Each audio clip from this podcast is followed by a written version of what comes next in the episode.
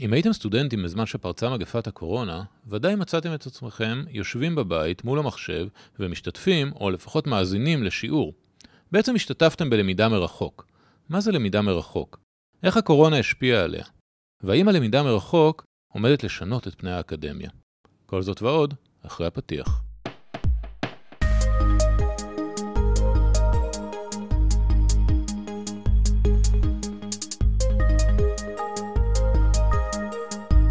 שלום וברוכים הבאים למחקר בשלוש קריאות, הפודקאסט של מרכז המחקר והמידע של הכנסת.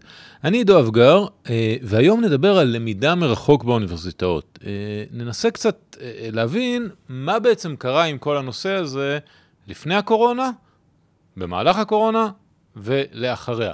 ולשם כך נמצא איתנו רועי גולדשמיט, חוקר במרכז. שלום רועי. שלום וברכה. אז רועי, מה, מה, מה זה בעצם למידה מרחוק? על מה, על מה אנחנו מדברים כשאנחנו מדברים על למידה מרחוק? אז למידה מרחוק היא באמת לא תופעה חדשה. כבר במאה ה-19 התחילו להתפתח אה, שירותים של למידה מרחוק, שהתבססו על מה שכונה אז למידה בהתכתבות. אוקיי. Okay. ובהמשך זה התפתח למודל שאנחנו מכירים כיום מישראל ומהעולם, של אוניברסיטאות פתוחות.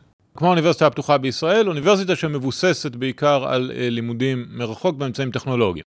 נכון מאוד. עם התפתחותו של שירות הדואר התפתח בשלב מסוים במאה ה-19 המודל הזה של אפשרות לקבל ספרים וללמוד אה, באופן עצמי, וגם כולל איזה מנגנוני בחינה כאלה, שכן כאלו לרוב מפגשים אה, פיזיים לצורך הבחינה.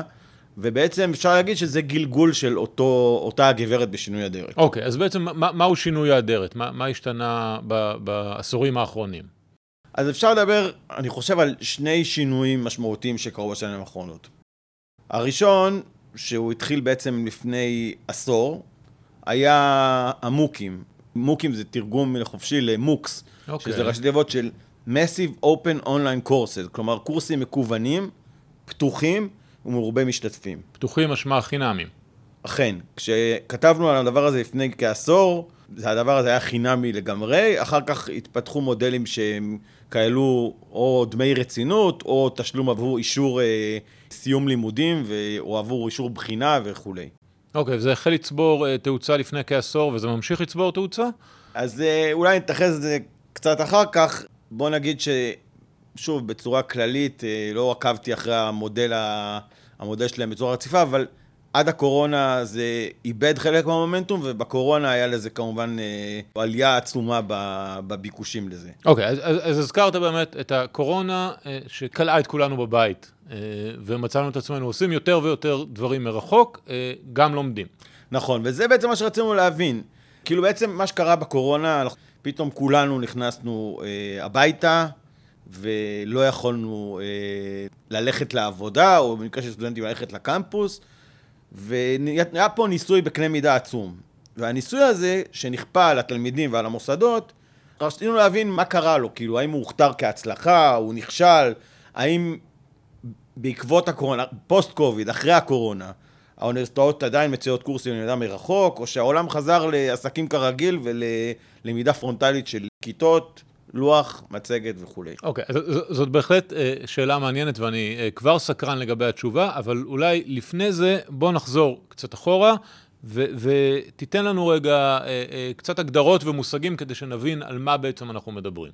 אוקיי, okay, אז מקובל להבחין קודם כל בין למידה פרונטלית ללמידה מרחוק, כלומר בין למידה שכוללת כיתה, תלמידים ומורה, לבין למידה מרחוק, שבבסיסה היא למידה במצב של ריחוק בין המורה והלומדים. וההבחנה השנייה היא בין סוגים שונים של למידה מרחוק. יש למידה מרחוק סינכרונית, כלומר בו זמנית, שבה התלמידים והמורה נכנסים באותו זמן למרחב וירטואלי, למשל זום, ומנהלים אינטראקציה מתווכת מחשב. אוקיי. Okay. לבין למידה מרחוק אסינכרונית, שבה גם המרחב נפרד וגם הזמן שונה. כלומר, התלמיד יכול לצרוך את התוכן מתי שהוא רוצה, ולרוב המשמעות של זה גם שהתוכן הוא כבר לא רק ראשים מדברים, כלומר, שאני רואה אותך מרצה, אלא שיש אתרי קורסים ויש תכנים דיגיטליים זמינים, שונים ומגוונים, בעצם כאילו הניסיון להפוך את זה לפורמט יותר עשיר. הבנתי, אז אתה בעצם מפסיד פה איזושהי מידה של אה, דיאלוג ואתה מרוויח אה, אה, העשרה של התכנים, אני מניח שאפשר גם לשלב בין המודלים האלה. נכון, אז מקובל לדבר גם על למידה היברידית שכוללת חלק מהשיעורים ככה וחלק מהשיעורים באופן אחר.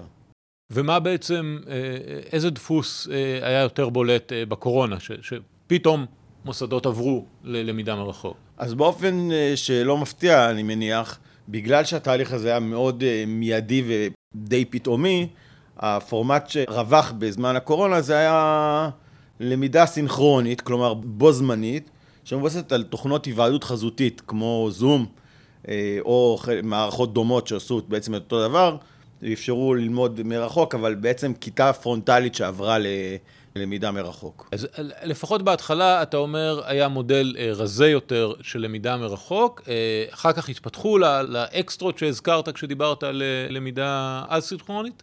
כן. אז שוב, האקסטרות האלה היו קיימות, היו קיימות גם במידה מסוימת אצל מרצים שבעצם היה להם תוכן עשיר, או שהם ידעו לבנות תוכן כזה. כלומר, זה בסוף קשור, כן, לאוריינות הדיגיטלית של המרצה, לכמה הוא מיינדד לזה, לכמה זה מעניין אותו.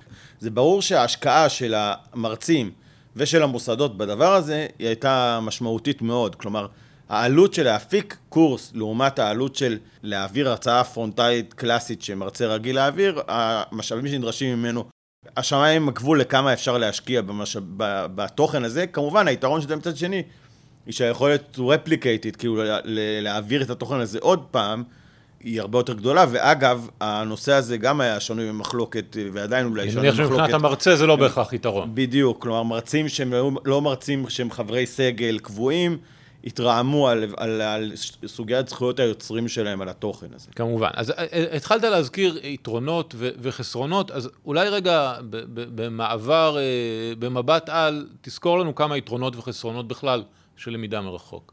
אז למידה מרחוק, וכשאני אומר למידה מרחוק אני מתכוון בעיקר ללמידה אסינכרונית, שאמרנו שהיא המודל העשיר של הלמידה מרחוק. כן. היא כוללת כל מיני יתרונות.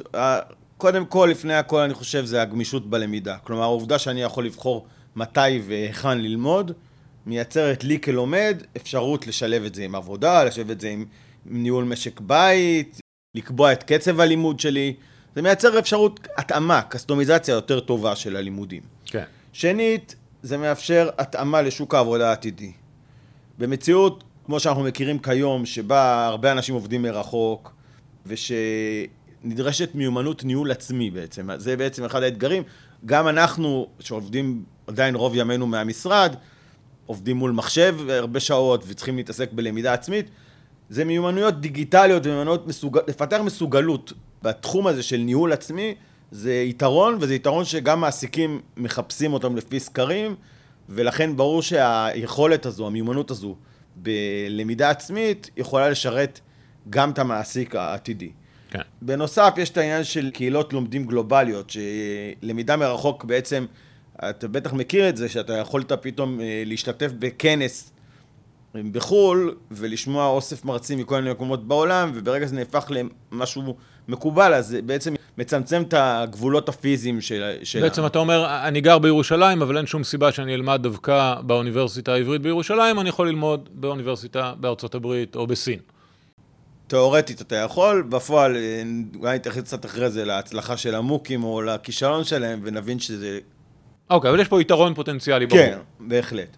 חוץ מזה, יש יכולת אנליטיקה גבוהות, כלומר, ברגע שאתה עובר למדיום הדיגיטלי, האפשרות שלך להבין מה עובד או לא עובד לך כמרצה, גדלה משמעותית. כלומר, אם אתה יודע באיזה נקודת זמן הסטודנט נטש את הקורס, כן, הפסיק או לא חזר, mm-hmm.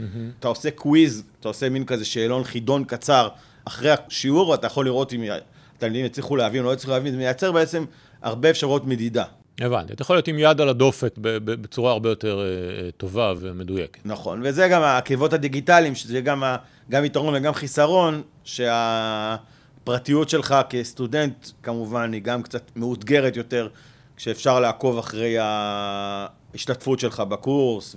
וכמובן, האפשרות להוזיל את העלויות של הלימודים, אם אנחנו מדברים על מעבר לפורמט דיגיטלי שלא כולל נוכחות בקמפוס ולא חייב לכלול את הקיום הפיזי של קמפוס, אז בעצם אתה יכול ליצור מודל יותר רזה, ועל פניו לייעל את המודל העלויות שלך ולהוזיל את העלויות הלימודים. אוקיי, okay, אז הזכרנו עכשיו שורה של יתרונות, אבל הזכרנו כבר קודם אה, כמה חסרונות, אז אולי רגע אה, נאזן קצת את התמונה.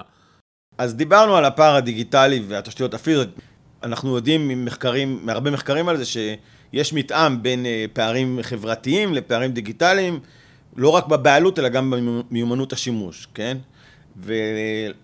ולכן זה, זה משמעותי. חיסרון נוסף, או אתגר, זה המגבלות של למידה פורמלית. כלומר, בעצם כשהולכים לקמפוס קורים כל מיני דברים, והדברים האלה לא קורים רק ביחידות זמן המאוד מאוד ברורות ומדידות של השיעור, אלא קורים בשיחות אה, מסדרון, הם קורים בשיחות קפיטריה, הם קורים במפגש עם המרצה, כמובן קורים יותר בקורסים קטנים מאשר בקורסים גדולים.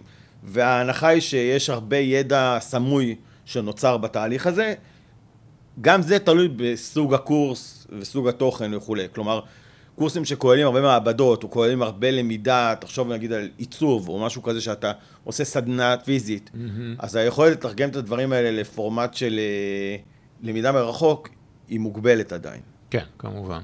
עוד חשש אחד שאני רוצה להתייחס אליו, או שניים, זה החשש לפרגמנטציה של התארים. כלומר, בעצם, התארים האקדמיים, כמו שאנחנו מכירים אותם, הם עדיין כוללים מספר שנות לימוד, מבנה די סכמטי שקובע מה, מהן המטלות, מה, כמה נקודות זכות אדם צריך לעשות וכולי. אז החשש היה, היסטורית יותר, אני יכול להגיד שזה היה, אני חושב שבפועל החשש לא התממש כל כך. זה פרגמנטציה, כלומר שפתאום אנשים יגידו, טוב, אז אני לא עושה תואר, אני עושה רק מיקרו תואר ספציפי לדיסציפלינה הזאת שאני צריך, ואז כאילו היה חשש שזה איכשהו יכרסם ביציבות של המוסדות האקדמיים. ואולי הקושי הכי משמעותי שהתייחסנו אליו קודם כבר, זה העניין הזה של הלמידה העצמית, שזה התמודדות עם למידה עצמית, אני יודע בוודאות, גם, גם מבתי הספר, שבתקופת הקורונה, ברור שלמידה מרחוק ולמידה בזום היא מאתגרת והיא יוצרת אה, קושי, כי היא דורשת הרבה יותר מיומנויות אישיות של הלומד, כאילו איזה מסוגלות עצמית של הלומד לגייס את עצמו לדבר הזה. כמובן, עם התמודדות עם הסחות דעת יותר משמעותיות שיש כשאתה במרחב אה, דיגיטלי. בוא, בוא, רגע, בוא רגע נחזור לנושא. אה, אתם הלכתם ובדקתם בעצם אה, מה קרה עם הסיפור הזה של הלמידה מרחוק אה, בעקבות הקורונה. אז מה בעצם גיליתם? מה שראינו זה ש... כמו, ש... כמו שאתה יודע, אז בזמן הקורונה, בפרט בסגרים, האוניברסיטאות עברו להוראה מרחוק.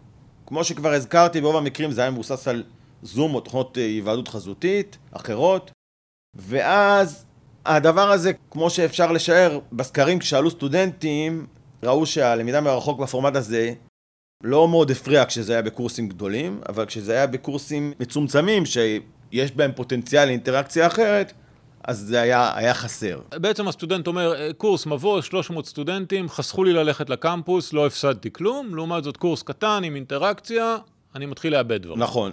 אוקיי, אז מה באמת עשו בפועל? נגמרה הקורונה, אז באמת, פוסט קורונה, רוב המוסדות שענו לפניות שלנו, שזה אוניברסיטת אריאל, אוניברסיטת תל אביב, אוניברסיטת חיפה, אוניברסיטת בן גוריון והטכניון, mm-hmm. ההיצע של הקורסים המקוונים במלואם, כלומר, קורסים אסינכרונים שאפשר ללמוד אותם באופן עצמאי, אוקיי. Okay. הוא קטן יחסית, וזה נע בין אחוז אחד לחמישה אחוזים מן הקורסים לתואר ראשון. אנחנו שאלנו רק על תואר ראשון, לא רצינו להתפזר לתארים אחרים. אוקיי. Okay. שוב, וגם אני רק, אמרתי רק, קטן... רק אוניברסיטאות, נכון, בלי מכללות. רק אוניברסיטאות ורק uh, קורסים לתואר ראשון. כן. החריג לדבר הזה, זה היה אוניברסיטת חיפה, שלפי התשובה של המציעה, כמעט 100 קורסים אסינכרונים לתלמידי התואר הראשון, מה שאומר שזה, שם זה היה יותר מחמישה אחוז מהקורסים. מעניין. קורסים סינכרונים, כלומר קורסים שמועברים בזמן אמת, אבל באמצעות למידה מרחוק, יש לנו דוגמאות כן לשימוש יותר משמעותי, אוניברסיטת אריאל למשל, שבה 17% מהקורסים לתואר ראשון הם מועברים באמצעות אה, למידה מרחוק, שוב, למידה מרחוק סינכרונית, כלומר לא בזמן, בזמנך החופשי, אלא... הקורס המקוון הוא מחליף את הקורס הפיזי, או שיש שיעור בכיתה והוא גם מצולם עבור מי שלא נמצא בכיתה? ממה שאני מבין, ותיקח את הדברים שלי עם קצת מלח, כן, הכוונה זה שזה מחליף את הקורס, בנוסף לזה, יש מגמה רווחת בהרבה מהמוסדות של להקליט את השיעורים ולהעלות אותם לאתרי קורסים, שיהיו זמינים רק לתלמידי הקורס, אבל יאפשרו להם, למשל, אם הם רוצים לשמוע את הקורס שוב, או אם הם נעדרו והם רוצים לראות, לעשות זאת. הבנתי. עכשיו, כן, עוד דבר ששמנו לב זה שיש שונות בין המוסדות. כלומר, האוטונומיה המוסדית המפורסמת באמת באה לידי ביטוי בזה שכל מוסד נוקט מדיניות קצת שונה ביחס להכנסה של למידה מרחוק, מקוונת, או סינכרונית. אוקיי, okay, אז אתה אומר שיש פערים די גדולים בין המוסדות, אבל שבאופן כללי התמונה היא לא מציגה איזשהו שינוי מאוד דרמטי במעבר מלמידה אה, פיזית ללמידה מקוונת. נכון, אז שוב, אם אני חוזר על המשפט שאמרתי קודם, אז אנחנו מדברים עדיין על בין אחוז בודד לבין חמישה אחוזים מהקורסים שאפשר ללמוד אותם מרחוק בצורה אסינכרונית. כן, יש קורסים היברידיים, שבהם אפשר לעשות, שחלק מהמפגשים הם מרחוק וחלק מהמפגשים הם, הם רגילים. יש יש התפתחות, אבל אי אפשר לדבר פה על איזשהו... אה, לא הייתה מהפכה. למרות לא. שהקורונה כפתה איזשהו מעבר מאוד מאוד חד, זה, זה לא עורר איזושהי מהפכה שלמה בתחום. נכון. יש לך הסבר למה? זה, זה, זה, זה עניין של שמרנות, או שיש הסברים נוספים? אז אה, אפשר לומר שהשינויים באקדמיה הם נעשים עקב בצד אגודל. אם אני צריך... אה, להציע הסברים, אז אפשר לקשור את זה, ונראה לי שזה הסבר תקף, גם לא המצאתי אותו, זה קודם כל הצורך האנושי באינטראקציה. כלומר, אינטראקציה בין אישית היא לרוב מעניינת יותר ומאפשרת, המבט הזה בעיניים שמאפשר משהו שלא קיים עדיין, לא הצלחנו לשחזר אותו או לתרגם אותו למדיה הדיגיטלית. ובטח לא כשאתה מדבר על זום, כשאתה תיזכר בימי הזום העליזים, שבהם אתה רואה, אתה מרצה, אז אתה רואה 30 או 50 או, או כמה שלא יהיה כן. תמונות קטנות במקרה שהם אה, חולקים את התמונה שלהם. ואפשר לקשור את זה להבשלה של חלופות טכנולוגיות, כן? כלומר, כמה הטכנולוגיה הזאת מצליחה להיות רלוונטית. ואחרון, אפשר לקשור את זה גם למודל העסקי של האוניברסיטאות. האוניברסיטאות בנויות עדיין על כיתות, מרצים, קמפוס וכל המערכת הנלווית. אתם פניתם למוסדות ושאלתם אותם למה חזרתם אחורה, למה אחרי הקורונה בעצם חזרתם למודל הרגיל, הפרונטלי? אז אפשר לחבר אותם לשתי עמדות בסיסיות. עמדה אחת שהאוניברסיטת תל אביב והטכניון הציגו בצורה מובהקת, זה הבנת הערך של למידה פרונטלית, למידה קמפוסית, שהקורונה רק חידדה את הערך הזה. כלומר, את ההבנה שהדיגיטל או עוד לא בשל, או לא רלוונטי מספיק, אבל בשורה התחתונה הוא לא מחליף בצורה הולמת את הלמידה בקמפוס. הוא לא מאפשר חניכה, הוא לא מאפשר אינטראקציה בין אישית בלתי אמצעית, הוא מקשה מאוד על קיום של סדנאות או מעבדות, שבטכניון זה חלק משמעותי מהלימודים, ובעצם לאור זה העמדה שלהם הייתה ש... זה רק הוכיח את חשיבותה של הלמידה הפרונטלית. הבנתי, בעצם הם אומרים, אכן הקורונה הייתה ניסוי בקנה מידה גדול, אבל תוצאות הניסוי אה, הצביעו במפורש על זה שזה לא הכיוון ללכת אליו. לא... נכון, שעדיף, אם אפשר, ללמוד בלמידה פרונטלית בקמפוס. ומהצד השני? ומהצד השני, העמדה קצת יותר אמביוולנטית, כלומר, הם לא אמרו שזה הכי טוב וזה האופטימום, אבל הם אמרו שיש לזה הרבה יתרונות. בעצם ראו כאן גם הזדמנויות יותר משמעותיות, וגם טענה שבתלמידים בתארים מתקדמים, זה כבר כן הפך לאופציה יותר רלוונטית. כי, כי הם יותר בקיאים בללמוד, וכי אורח החיים שלהם אולי יותר, הגמישות יותר מתגמלת אותם. הם לא, הם לא נימקו מדוע, אבל ההנחות שלך הן הנחות סבירות, כן. אוקיי, okay, עד כמה אנחנו, אה, אנחנו, ישראל, מיוחדים בהקשר הזה? עד כמה גם החזרה ללימודים הפיזיים אה, מאפיינת אה, מקומות אחרים? אז באמת אנחנו סקרנו סקירה ראשונית של מספר מדינות בחו"ל, והתשובות שאנחנו קיבלנו עלה שרוב המוסדות, למעט כאלה שלמידה מרחוק היא ה-core business שלהם, כמו האוניברסיטה הפתוחה, mm-hmm. הם חזרו למקד את העיסוק שלהם בהוראה פרונטלית בקמפוס. בעצם אתה אומר, הדפוס הזה שאנחנו רואים בישראל הוא, הוא הדפוס המקובל בעולם גם.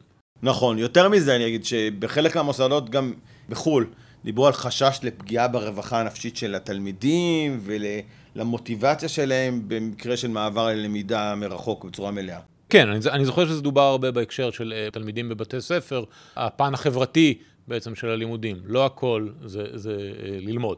נכון. עוד לפני כל המהפכה של הקורונה, הזכרת שהיו מוקס עוד קודם. אז מה בעצם קרה להם בקורונה? הם, הם הגיעו מוכנים, הם, הם, הם היו שם כבר. נכון.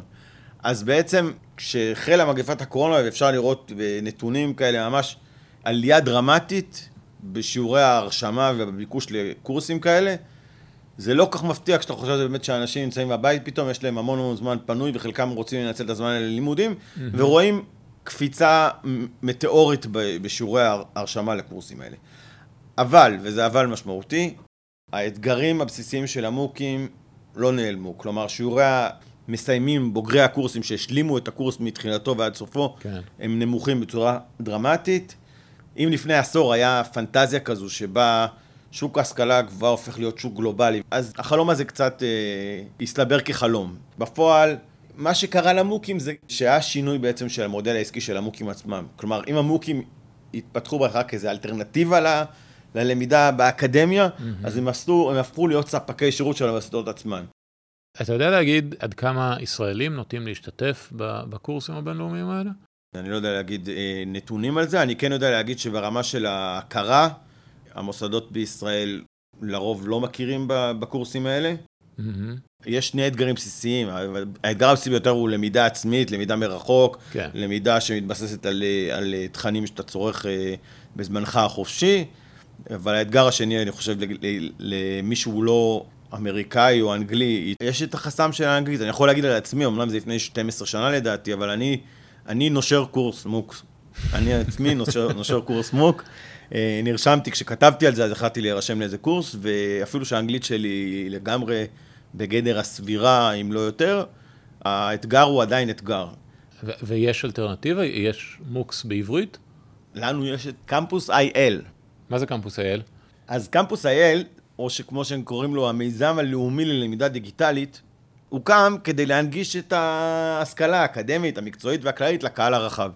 בעצם זה המוקס שלנו, וזה אומר שזה, שזה המוקס שלנו, זה גם אומר שאוניברסיטאות אה, ישראליות, גם היה להם הזדמנות להשתתף וליצור קורסים. רגע, קיבלו, מיזם לאומי זה אומר שהמדינה יזמה אותו? זה מיזם של המדינה, במימון המדינה, או לפחות ברובו במימון המדינה. Mm-hmm. ההיצע קורסים, כשאנחנו פנינו לקמפוס אייל, כשהם ענו לנו לפני כמה חודשים, אז היה היצע של כ-430 קורסים. אוקיי. Okay. מתוכם כ-100 קורסים אקדמיים, mm-hmm. ומתוכם כ-15 קורסים שמאפשרים קרדיט ללומדים מן החוץ. אוקיי. Okay. עכשיו, מספר הלומדים הפעילים בשנת 2022 היה כרבע מיליון. 250 אלף, לא רע. כן. ואורך הביקור הממוצע של לומד בפלטפורמה היה 21 דקות. אוקיי. אה, נשמע קצר יחסית לקורס אקדמי. אז כששאלתי את אה, המנהל של קמפוס מה שיעור הנשירה, אז הוא אמר שמדידה לפי מספר מסוימי קורסים, היא מתאימה יותר למודל הלמידה המסורתי ולא ללמידה דיגיטלית, שהיא מתאפיינת ביותר מעברים בין נושאים וקורסים. בעצם רצ... מה שהוא רצה לומר זה שהדימוי שיותר רלוונטי לקורסים כאלה, זה לא כמו טיסה מנקודה א' לב', אלא כמו נסיעה ברכבת שמאפשרת מעבר בין קווים. כלומר, הוא מדבר על פרגמנטציה של הצריכה באמת. שאנשים צורכים תוכן ספציפי שהם צריכים, כמו שאתה רואה גם לא כל הקורסים הם אקדמיים, אז בעצם הטענה שלו הייתה שהלמידה משתנה. הבנתי. רועי, את סקרת פה, אני חושב, בצורה אה, בהירה למדי, אה, גם את היתרונות וגם את החסרונות, אה, אה, וגם את מה שהתרחש בפועל על, על שלל האתגרים שהם הביאו איתו. עוד משהו שנראה לך חשוב לחלוק עם המאזינים? אני חושב שברמה של, כשמנסים קצת לסכם, לעשות לזה איזה closure, אפשר לומר שלמרות הציפייה שלנו, שלי, במובנים מסוימים אולי אז כשכתבתי על זה לפני עשור, mm-hmm. ברמה הגלובלית וכיום ברמה הלוקאלית, למרות הפנטזיה הזאת על באמת איזה משהו חדש ורענן, שיירש את האקדמיה בפורמט שאנחנו מכירים אותה, התהליכי שינוי הם מאוד איטיים, ויכול להיות שברמה הגלובלית זה קצת שונה, אבל לפחות ברמה של ישראל, החסמי כניסה נשארו משמעותיים, הלמידה נשארה למידה שבעיקרה היא למידה, הלמידה הסדורה והרשמית והמוכרת. זאת כלומר, שמאפשרת לקבל בסופו של דבר תעודת הסמכה אקדמית. בדיוק. היא נשארה עדיין נחלתם של המוסדות האקדמיים, והיא נשארה בעיקר נחלתה של למידה פרונטלית, קמפוסית. אנחנו לא לגמרי בעולם החדש והאמיץ של, של למידה מרחוק, בזמנך החופשי, וזה עצמאות ואוטונומיות עצומה. אה, בסדר גמור, אז אה, אה, מסתבר שרעיון רעיון טוב ואפילו תשתית טכנולוגית טובה זה לא, זה לא מספיק, וגם מגפה עולמית זה לא מספיק, אולי במגפה הבאה. רועי, תודה רבה. תודה רבה. ולכם המאזינים, תודה שהקשבתם. המסמך שעליו התבססה השיחה הזאת נמצא כמובן באתר מרכז המחקר והמידע של הכנסת, גם מסמך הקודם מלפני כעשור שעוסק במוקים, ועוד מסמכים רבים. נתראה בתוכנית הבאה.